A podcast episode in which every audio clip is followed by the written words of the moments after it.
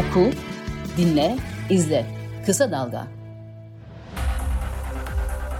Merhaba, Sedat Bozkurt ve ben Ayşe Yıldırım. Bir yayınla daha karşınızdayız.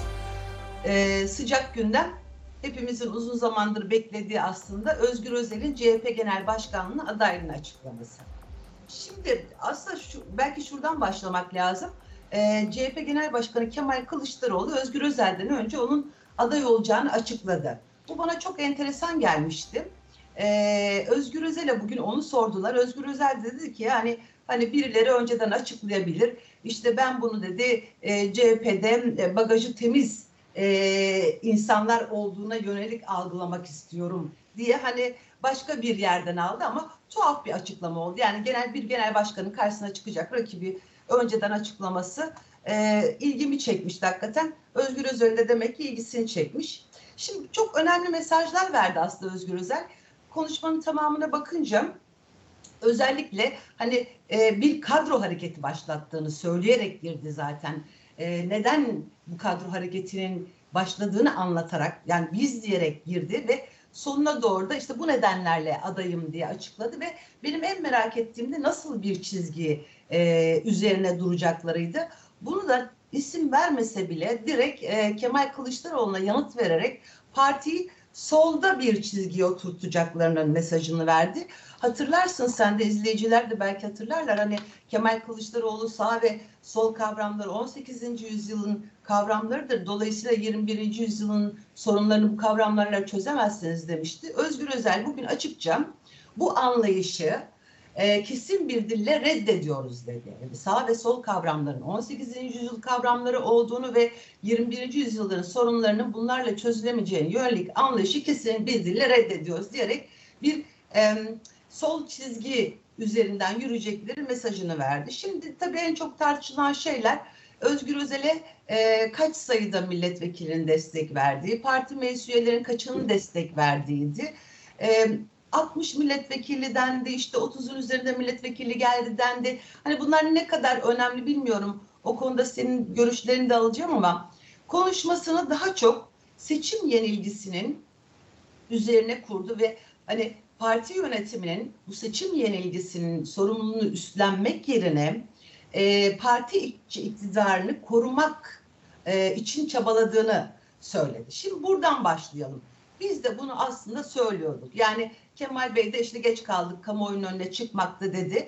Özgür Özel parti yönetimini hakikaten e, Kemal Kılıçdaroğlu'nun adını anmadan ama bu benim yorumumdur. Otoriter bir e, parti yönetimi tablosu çizdi. Ve e, bundan yani eğer kazanırlarsa e, bundan sonra tabana e, dayalı bir yönetim anlayışı getireceğini söyledi. Tutum belgesini e, dağıttı orada. Tutum belgesinin adı Değişimin Yüzyılı, Yüzyılın Değişimi. Şimdi burada senin söyleyecek çok şey olacaktır diye düşünüyorum. burada sözü sana bırakayım sonra detaylara girelim. Yani ilk sen de göstermiştin. Daha sonra kısa dalgadaki yazımda e, yazmıştım bunu. Yani evet. de, değiş, değişik, değişimin gücü CHP, yeni CHP, yeni yaklaşım, yeni çözümler. Ya şimdi e, Özgür Özel iyi bir siyasetçi. E, yani düzgün duruşlu da bir siyasetçi. Yani Türkiye'nin de Türkiye Büyük Millet Meclisi'nde e, bu tür, bu tip e, siyasetçilere ihtiyacı var. E, parlamentoda bulunması CHP açısından da toptan siyaset açısından bir kıymet ama. E, kendisine doğru bir hat çizmesi lazım.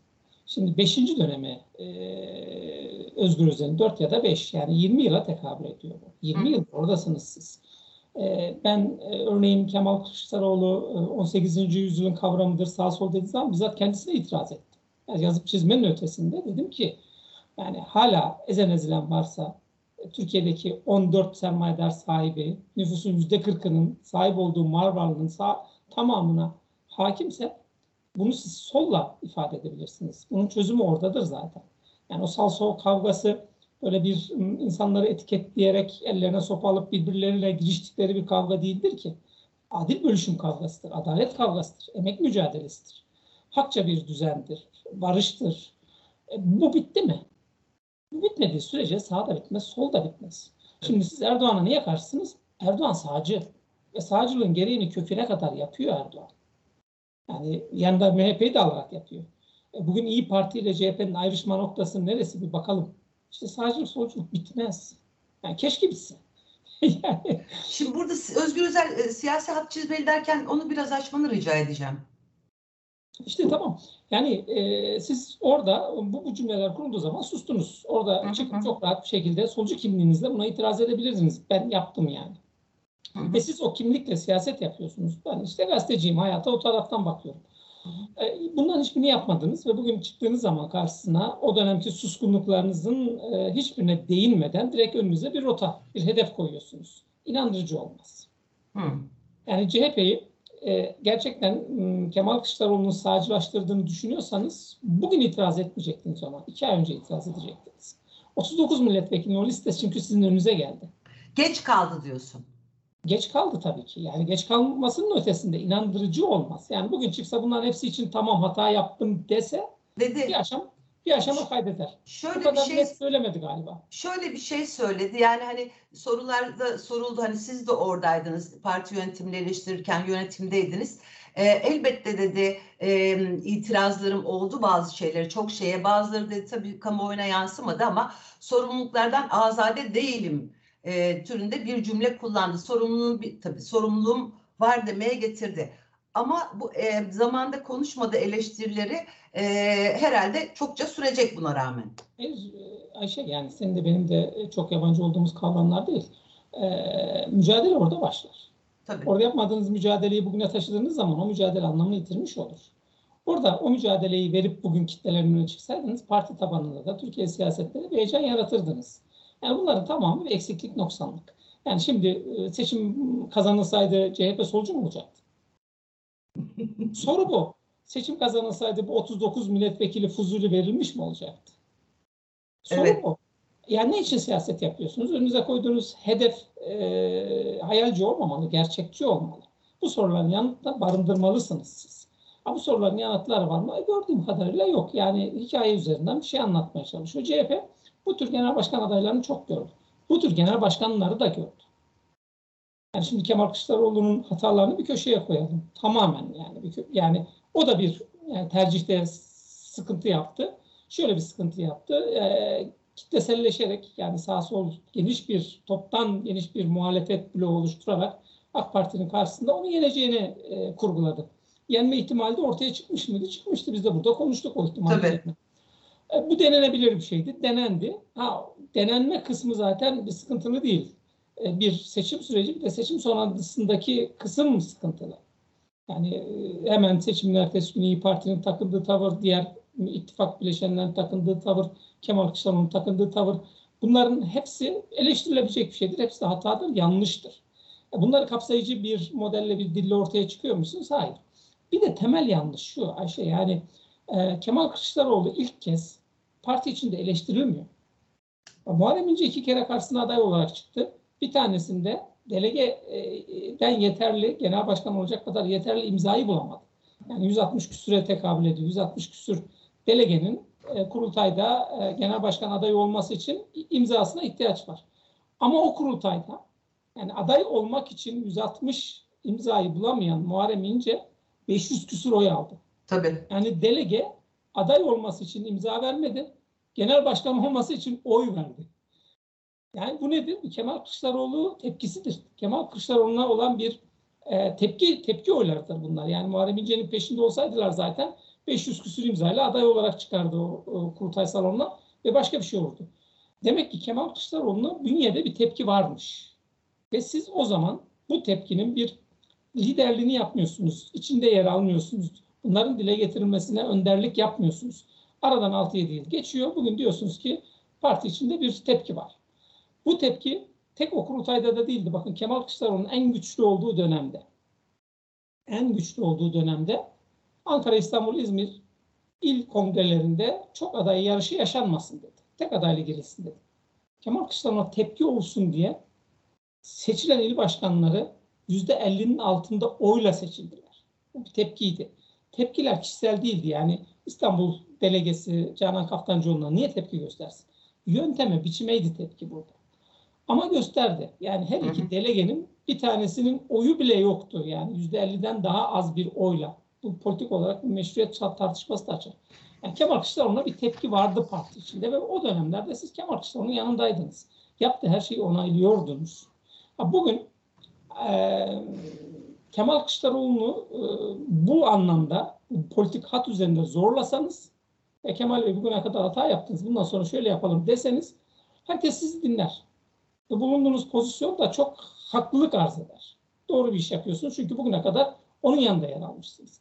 Ve onun yaptıklarını bugün eleştirerek doğru bir şeyler öneriyorsunuz. Ama tam karşısına hemen geçtiğiniz zaman bu Kemal Kılıçdaroğlu'nda çok yaşanıyor. Yani hep seninle de burada konuşuyoruz. Ekibinin olmama hali. Bir dönem Kemal Kılıçdaroğlu'nun yanında yer alan insanlar Kemal Kılıçdaroğlu ayrıldıktan sonra hemen karşısına geçiyorlar. Yani sağa sola dağılmıyorlar. Hepsinin yeri orası oluyor. Şimdi burada da böyle bir şey görüyoruz. Yani e, CHP'de yıllarca e, mücadele etmiş, parti için mücadele etmiş bir sol kanat vardır. Evet. Hala e, CHP'nin e, illerinde ben bu sol kanadın çok etkin olduğunu görüyorum. Yani İlhan Caner oradan bir e, kurgu yapmaya, organizasyon yapmaya çalışıyor zaten. E, bunu da, bunu da görüyoruz. Yani o niye? Orada bir potansiyel mevcut çünkü. Orada bir yapı mevcut. Bir damar halen mevcudiyetini muhafaza ediyor orada. Ee, şimdi siz e, bu teşkilatların tamamını bir sol kimlikle temsil etme e, yeteneğine sahip misiniz? Böyle bir organizasyonun lideri misiniz? E, ya da böyle bir organizasyonun yani lider liderliği çok kabul etmez bu organizasyon. Yani sol kanat sol kanatla birlikte yol yürüyebilecek bir çerçeve çiziyor mu diyorsun? Bugüne kadar neredeydiniz? Yani öyle bir şey hala orada var. Hı hı. Bugüne kadar onların içinde yer aldınız mı? Yani onların organizasyonunda bir görev edindiniz mi? Çünkü CHP'den itibaren CHP'yi sol sol e, kulvara taşıyan siyasi hareket budur ve Baykalcılarla mücadelesi vardır. Yani önüne genel merkezden daha çok Baykalcılar koyar. Çünkü Baykalcı hareket sadece bir harekettir. E şimdi böyle bir hareketin içinde de değilsiniz bugüne kadar ve bugün partiyi sola çekmek için ortaya çıkıyorsunuz. Yani şey e, buradan hani ben söylemiştim daha önce yine beraber yaparken e, Özgür Özel aday olmak için aday olur. Kazanmak için aday olmaz. Bu kendisine politik olarak da bir avantaj sağlar. Bir sonraki kurultayda bir önceki kurultayda aday olmuş ve şu kadar oy almış bir siyasi figür olarak potansiyel adaylığını e, sonraki kurultaylara taşır. Benim bugün özetle baktım senin kadar detaylı dinlemedim konuşmalarını. Baktığım konuşmadan çıkaracağım sonuç bu. Yani yanındaki milletvekili sayısına da baktığın zaman bir de profillerine baktığın Hı. zaman öyle CHP tabanını e, çok heyecanlandıracak, CHP delegesini çok heyecanlandıracak bir e, fotoğraf karesi yoktu. Toplu verilen fotoğraf karesi yoktu. Oku, dinle, izle. Kısa Dalga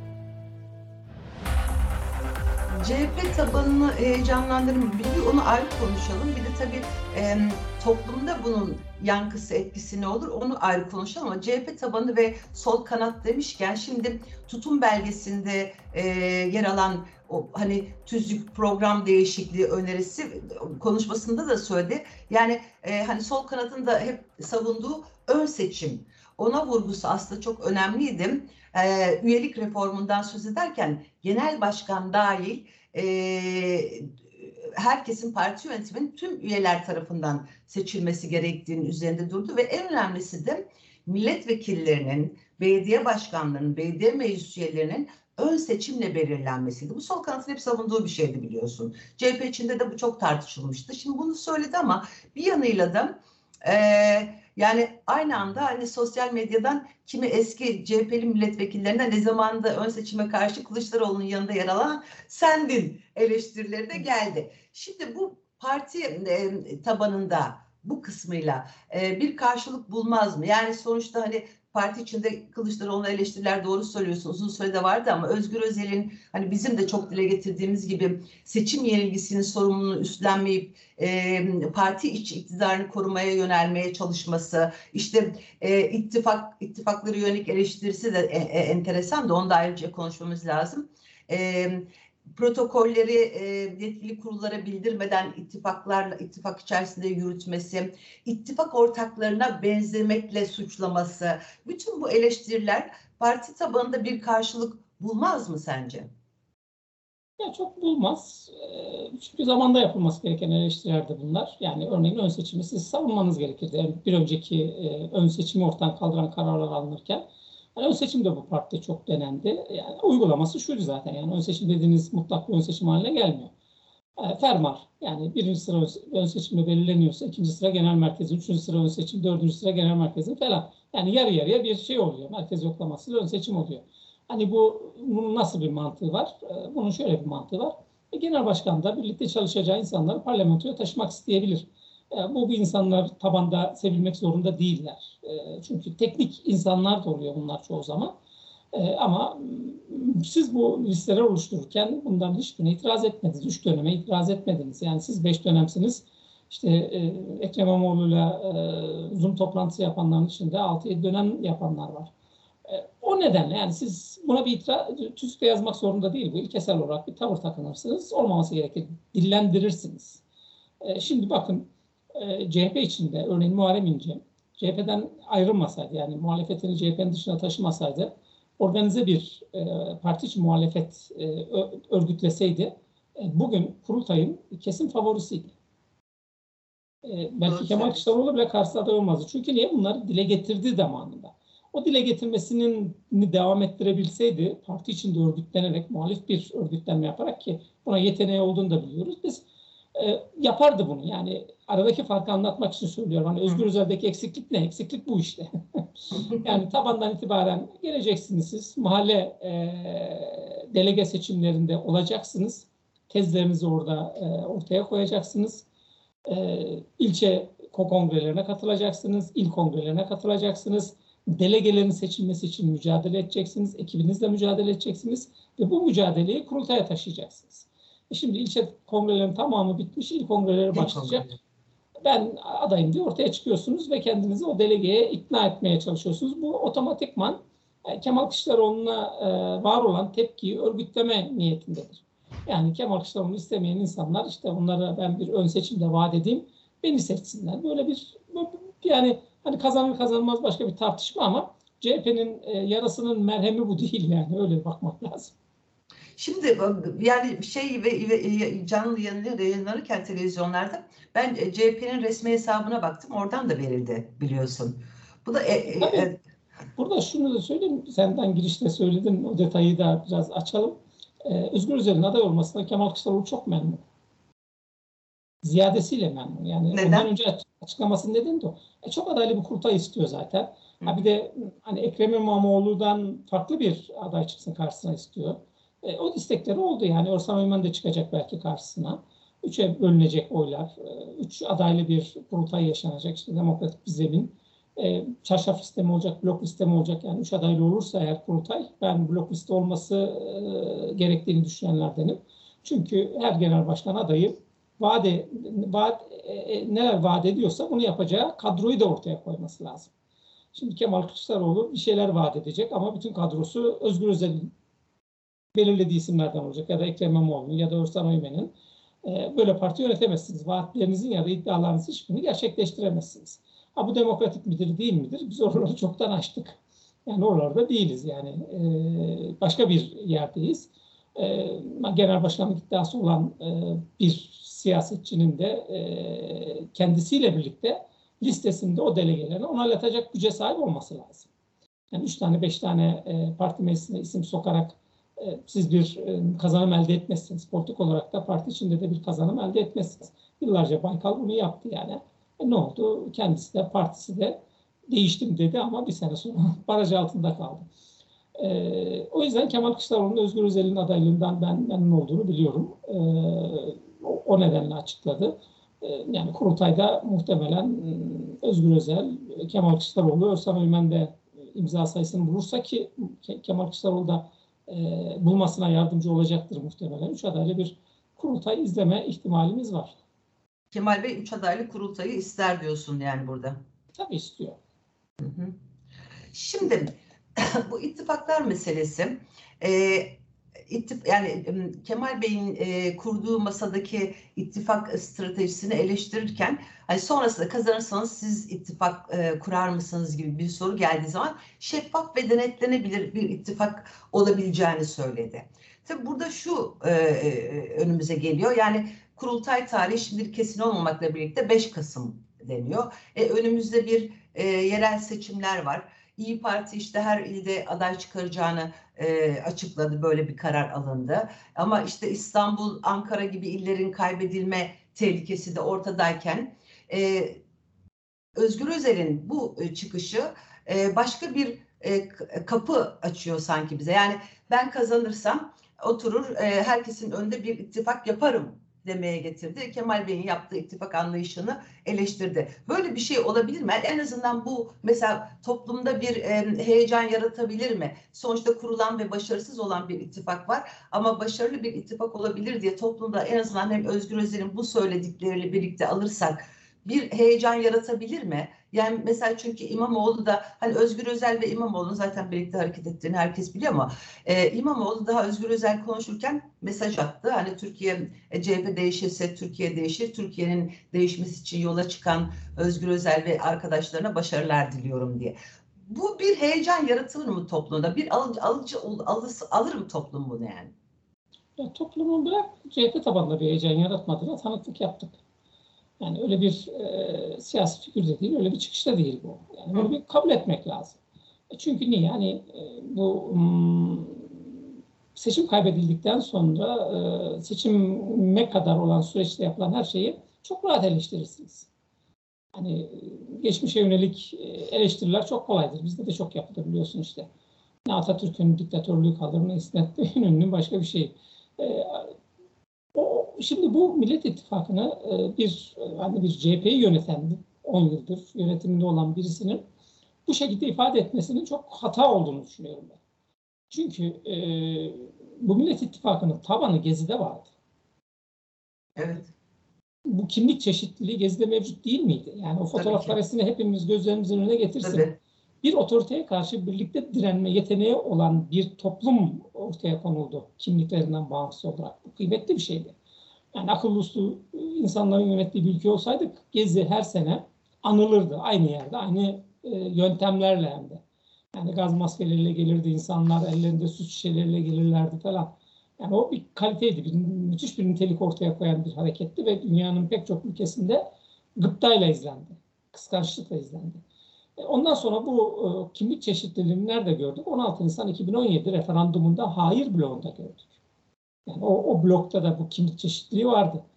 Onların kurumsal hali Millet İttifakı haline geldi. 24 e, Haziran 2018 seçimlerinde ittifak modeli oluşturdu. Yani CHP'den iki milletvekili, e, iki milletvekili Saadet, Saadet'ten iki milletvekili CHP listelerinden girdi. Demokrat Parti'den bir milletvekili e, İyi Parti listelerinden girdi. Ve bir şekilde kazanım elde edildi. Erdoğan durduruldu. Hani orada bir çatı aday tartışması vardı. O çatı adayda da mutabık kalınsaydı belki başka bir aşama kaydedilecek. Ama Erdoğan durduruldu. Yani bir önce aldığı seçimdeki oy kadar oy alabildi. O kadar hoyratça her şeyi kullanmasına rağmen devleti her şeyi kullanmasına rağmen. E şimdi e, 31 Mart 2019 seçimlerinde bu Millet İttifakı tekrar işledi. Aynı tabana yastı olan ittifak modeli. E, sonuç aldı. Şimdi bayağı bir başarılı sonuç aldı. Yani Erdoğan'ın travması olan İstanbul'u kazandı bu ittifak modeli. Şimdi bu, bu deneyimlerin hiçbirini siz e, yok sayamazsınız. Yani bunlar kötüydü deyip bir köşeye atamazsınız. Burada da 14 ay çalıştı bu mekanizma. Bu sistem çalıştı. Sizin yönettiğiniz parti de bu sisteme dahildi. E, metinler ortaya koydu. Bugün sizin hazırladığınız metinden daha detaylısı işte ortak politikalar mutabakat metni diye ve memleketin bütün meselelerini tespit edip çözüm önerileri verilen bir metin ortaya koydu. İttifakların doğası şudur. Ee, bir aynı parti çatısı altında bir araya gelmek için bu toplantılar yapılmadı. Farklı partiler somut hedefler konusunda asgari müşterekte buluşmak üzere bir araya geldiler. Asgari müşterekler de bu metinleri oluşturdu zaten. O yüzden onlara benzemek diye bir şey söz konusu olamaz. Sen partine güvenmiyor musun? Yani iki tane yüzde birlik, yüzde ikilik partiyle yan yana geldiği zaman onlardan olacağı gibi bir kaygın varsa zaten sen o partinin e, tam da o partinin yönetimine buradan muhalefet etmen lazım. Bu, bu Millet İttifakı mekaniği 14-15 ay işledi.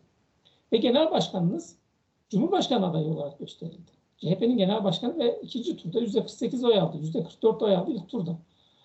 CHP genel başkanı olarak hani muhtelif kimliklerini bir yük olarak göstermelerine rağmen hem de bunun e, vurgusu bizzat ittifak ortakları tarafından yapılmasına rağmen bu kadar oy aldı. E, sonuçta Erdoğan ilk turda seçilemedi. İlk iki seçimde ilk turda seçilen Erdoğan ilk turda seçilemedi. Bu bir geri adım geri geriletmektir. Siz muhalefetinizi demek ki buradan kurmanız gerekiyor. Çünkü e, çok normal, sıradan bir siyasi partiyle mücadele etmediniz. Devletin bizzat kendisiyle, ya, hoyratça bir devletle mücadele ettiniz. Yani işte bir e, bu seçimin denklemini, Cumhurbaşkanlığının denklemini bozabilecek bir parti Anayasa Mahkemesi'nde kapatılırken o parti adı altında seçime giremediler. O partinin lideri içeride e, ve o partinin siyaset yapacağı bütün alan, e, bütün figürleriyle birlikte ortadan kaldırmış vaziyette. Size de siyaset yapacak alan bırakmıyor. E, elindeki medya gücüyle, devlet gücüyle. Bu, burada siz gerilettiniz, bir mevzi kazandınız. Öyle ya da böyle. E, şimdi bu, bunların hepsini bir anda bunlar çok gereksizdi falan diye bir köşeye atarsanız bu kadar emeğe, Gezi'den bu yana olan tabandaki yani üst tarafı beni ilgilendirmiyor. Partilerin yönetimleri, partilerin kimlikleri ama o meydanlara gelip biber gazı yiyen, su yiyen, sopa yiyen, pek çok şeyini riske eden çünkü kaybedecek çok şeyi olan insanların katıldığı bir eylemdi gezi eylemi. Bu yüzden nitelikli ve kaliteliydi. Ee, onlara haksızlık etmiş olursunuz. Bir tarafı bu. İkinci tarafı ittifak bir politik tercih değildi. Bugün Ekrem e, İmamoğlu ittifak mecburiyettir diyor. Mansur Yavaş ittifak mecburiyettir diyor. Ha, gerekirse tabanda kurarız. Yani ittifak bir mecburiyet, bir politik tercih değil. Karşınızda her şeye rağmen ittifak yapan bir blok varlığını hala muhafaza ediyor Cumhur İttifakı. MHP ile AK Parti bir araya geliyor. Bir adayı destekliyorsa otomatikman sizi de oraya zorluyor zaten. Yani ittifaklara, koalisyonlara mutlak karşıyım diyen Erdoğan, Cumhurbaşkanı seçildiği zaman kendisi dahi yedi bileşenlerin Tabii. adayıydı. Yani böyle karşınızda yedi bileşenli bir yapı olacak. Siz diyeceksiniz ki ben ittifakları doğru bulmuyorum. İşte İyi Parti'nin tavrı. E, burada o İyi Parti'yle benzeşirsiniz siz. Şimdi bunları böyle anlatmak var bir de. Böyle anlatsanız herkes anlar. Hiç kimse itiraz etmez ama kafadan 39 milletvekilini şey verdik. Yani bu Kemal Kılıçdaroğlu gerçekten e, kapısını çalan herkese işte kendisine şirin görünen ya da kendisinden e, milletvekili isteyen herkese milletvekili dağıtan bir genel başkandır. Bu kadar basit mi bu iş? Niye bunu yaptığını oturup bir konuşmadınız mı? Bu adaylar belirlenirken çünkü listeler sıralar bizzat sizin tarafınızdan belirlendi. İçinde sizin arkadaşlarınız var bugün yanınızda olacak insanlar var bunlar. Belirlenirken bunları hiç konuşmadınız. Konuşmama ihtimaliniz olabilir mi? Altında imzanız olan ya da alınmasına katkı sağladığınız kararlara bugün itiraz etmeyin. Ya da danışmanlar mesela kararlar danışmanlara bırakıldı dedi ama o zaman kendisi de parti yönetimindeydi. Oradan da tabii ki ben de oradan baktığım zaman ben de oradan Danışma, eleştiriyorum. Dan, danışmanlara bırakıldıysa açıkça ismini söylemesi lazım. Kemal Kılıçdaroğlu'nun milletvekili listelerini bırakacağı bir danışmanı yok. Ha, hangi yerlerde yapıldığını ben biliyorum işte. Yani e, pek çok isim de oraya e, kendisi de dahil Özgür Özel'e sormak lazım o zaman. Yani sizin listelere girmesinde dahiliniz olduğu isim var mı? Bu Engin Altay'a da sorulabilir. Engin Özkoç'a da sorulabilir. Muharrem Erke'ye de sorulabilir. Sorular sorulabilir yani. Var mı ve var, var varsa kriterleriniz nedir? Yani orada siz kendi özel ilişkilerinizle da parti içindeki gücünüzü kullanarak milletvekillerini kazanacak listelere yerleştirebiliyorsanız bugün ön seçimi savunamazsınız. Yani pek çok çelişki var burada. E, çünkü hani değişim diye şeyle çıktığı zaman Kemal Kılıçdaroğlu da değişimden söz ediyor. Yanındaki insanlar da değişimden söz ediyor. Değişimden evet. söz etmeyen kimse yok. Yani ben solcu olacağım dediğiniz zaman da solcu maalesef olamıyorsunuz. Keşke olsanız. yani. şu, şu, şu açıdan e, yani senin söylediklerinden tabii şöyle biz aslında bir iki ay daha öyle bunu konuşacağız. O ne dedi, bu ne dedi. İşte dele, kaç delege kimin, il kongrelerinde il, e, delege ağırlığı kimden oluştu. E, işte kurultayı izleyeceğiz, çıkacak mesaj verecekler. Ama toplumda beklenen o heyecanı, e, o e, değişim isteğini ayağa kaldıracak bir e, yapı oluşmayacak gibi görünüyor. Temel nedeni aslında bu değişimi başlatmak isteyenlerin e, bugün gelinen e, ortamdaki sorumlulukları ve eski isimlerle yeni bir şey aramak. Ama e, o, o eski isimler aslında bugünün sorumluları isim olan isimler. Dolayısıyla da bu bir heyecan yaratmayacak gibi bir sonuç ortaya çıkıyor. Tabii ki gönüllü Şöyle sözünü kestim kusura bakma. Yok. Ee, CHP'de Deniz Baykal'ın karşısında aday olan isimler vardı. Hı hı. İsmail Cem, Hasan Fehmi Güneş, Ertuğrul Günay, e, Murat Karayalçın, Altan Öymen. Şimdi e, bunlar tabanda bir heyecan yaratırlardı. Çünkü temsil ettikleri politik bir kimlik var. E, yani heyecan yaratma birazcık böyle bir şeydir yani. evet yani o, o kısım e, eksik diyorsun. Ben de onun için demiştim nasıl bir çizgiye oturtacaklar. Sol çizgi mesajını verdi ama göreceğiz. Şimdi zamanımız azaldı ama değinmeden geçmek istemiyorum. Sezgin Tanrıkulu meselesi. Yani hani çok çok acayip bir dönem dönemde yaşıyoruz zaten ama e, çok dehşet verici olan Sezgin Tanrıkulu'nu zaten herkes biliyor, tanıyor. Yani insan hakları savunucusu hem avukat hem CHP milletvekili ahim kararlarına dayanarak Türk Silahlı Kuvvetleri'nin dahil olduğu bir suçtan söz etti. Tabii e, AKP ve işte aktroller e, saldırdılar, linç ettiler, hedef gösterdiler, dokunulmazlığın kaldırılması isteniyor. Ama daha vahimi e, CHP lideri Kemal Kılıçdaroğlu da dahil olmak üzere Kılıçdaroğlu'nu bu, linç kampanyasının önüne atması ve işte partili yetkili organlarında görüşüleceğini söylemesiydi. Özgür Özel'e de soruldu bugün o, sor, o soru. Neyse ki e, Özgür Özel Sezgin Tanrıkulu'na sahip çıkan bir açıklama yaptı. Yani çok dehşet bir şey yaşıyoruz hakikaten. E, ne oluyor hakikaten bu CHP'de bir şey değişmezse e, olacak iş değil. Hani mahkeme kararıyla oluşan bir şey olan bir olaydan söz edilirken hiçbir şey eleştirilemez, konuşulamaz değilken bir anda Roboski ile helalleşeceğiz diyen Kılıçdaroğlu dönüp bugün TSK göz bebeğimizdir diyebiliyor ve Sezgin Tanrıkulu bu linç şeyini ortasına atıyor. Çok vahim sonuçlar doğurabilecek bir linç kampanyası söz konusuyken. Tabii yani burada Erdoğan siyasetine bir dikkat çekmek lazım. Erdoğan siyasetin tam da böyle. Yağmur nereden yağıyorsa e, tarlasını oraya götürür. E, hepimizden çok Atatürkçü oldu işte Disney'in Atatürk belgeselini yayınlamadığı zaman. Şimdi de böyle. Yani biz 28 Şubat'ta her 28 Şubat'ta hatta bir sıkıntı yaşadığımız zaman politik olarak hemen bir 28 Şubat hatırlatması yapar iktidar. 28 Şubat nedir? Aktörleri kimdir? Kim 28 Şubat'ın aktörü? Ayşe Yıldırım mı? yani kimdir? Susurluk diye bir belgeler var elimizde. Oralarda bugün de hala parlamentoda olan e, temsilciler görev yaptılar. Susurluğun aktörleri kimlerdir? Kimler vardır orada? Neler itiraf edilmiştir? Neler belgelenmiştir? Şimdi kurumlar insanlarla var olur. İnsanları çıkardığınız zaman geriye binalarla tabelalar kalır. Yani. Ve onun içindeki insanlar o kurumları görev sürelerinde temsil ederler. Ve insandırlar onlar. Hata da yaparlar, yanlış da yaparlar bütün hatalar, yanlışları işte devlet kavramının arkasına saklanarak siz kutsayamazsınız. Kurumları da kutsayamazsınız. Yapılan Kesinlikle. hataları da doğrulayamazsınız, onaylayamazsınız. Onaylarsanız zaten siz e, ne devlet olursunuz ne hukuk devleti olursunuz ne de insan olursunuz. Bu kadar basit bu iş. Ama buralardan çok uzağız. Yani bugün örneğin e, şey e, pahalılığı, enflasyonu her şeyi unutabilecek. Çünkü seçimi de böyle götürdük biliyorsun. Terörle mücadele. Kesinlikle. Şimdi oraya hemencecik yağmur oradan yağıyordu. Tarlamızı oraya götürdük. Kimse enflasyonu konuşmuyor. 40 lira olan 40 lira olan akaryakıt konuşmuyor. E, çarşı pazarı kimse konuşmuyor. Herkes Sezgin Tanrı kurunu konuşuyor. E çünkü elindeki medya gücüyle, devlet olanaklarıyla şimdi onu orada bırakmayacak. Yani bunlar gördük çünkü. Yani adadaki bir adada yapılan masum bir toplantıdan ne biçim bir casus hikayesi çıktı hatırlamıyor muyuz? Dört yıl Tabii. uğraştılar, beraatle sonuçlandı. Osman Osman Kavala müebbet ceza almış vaziyette içeride yatıyor. Yani e, Sivas katliamı davası e, zaman aşımından bitti. Yani e, böyle bir iklimi e, yaratıyor. Ama burada direnmek lazım. Teslim olmamak lazım. Teslim olursanız, direnirseniz bunun, bunun biraz önce anlattığım bu acayip sistemin bir parçası olursunuz. Ne yazık ki doğru. Peki bugünlük süremiz doldu. Ee, haftaya herhalde haftaya konuş... CHP görüşürüz. Haftaya değişik bir şey yapalım. Değişik bir şey yapıp CHP konuşalım tamam. Peki çok teşekkür ediyorum Sedat. Evet, Görüşmek dileğiyle.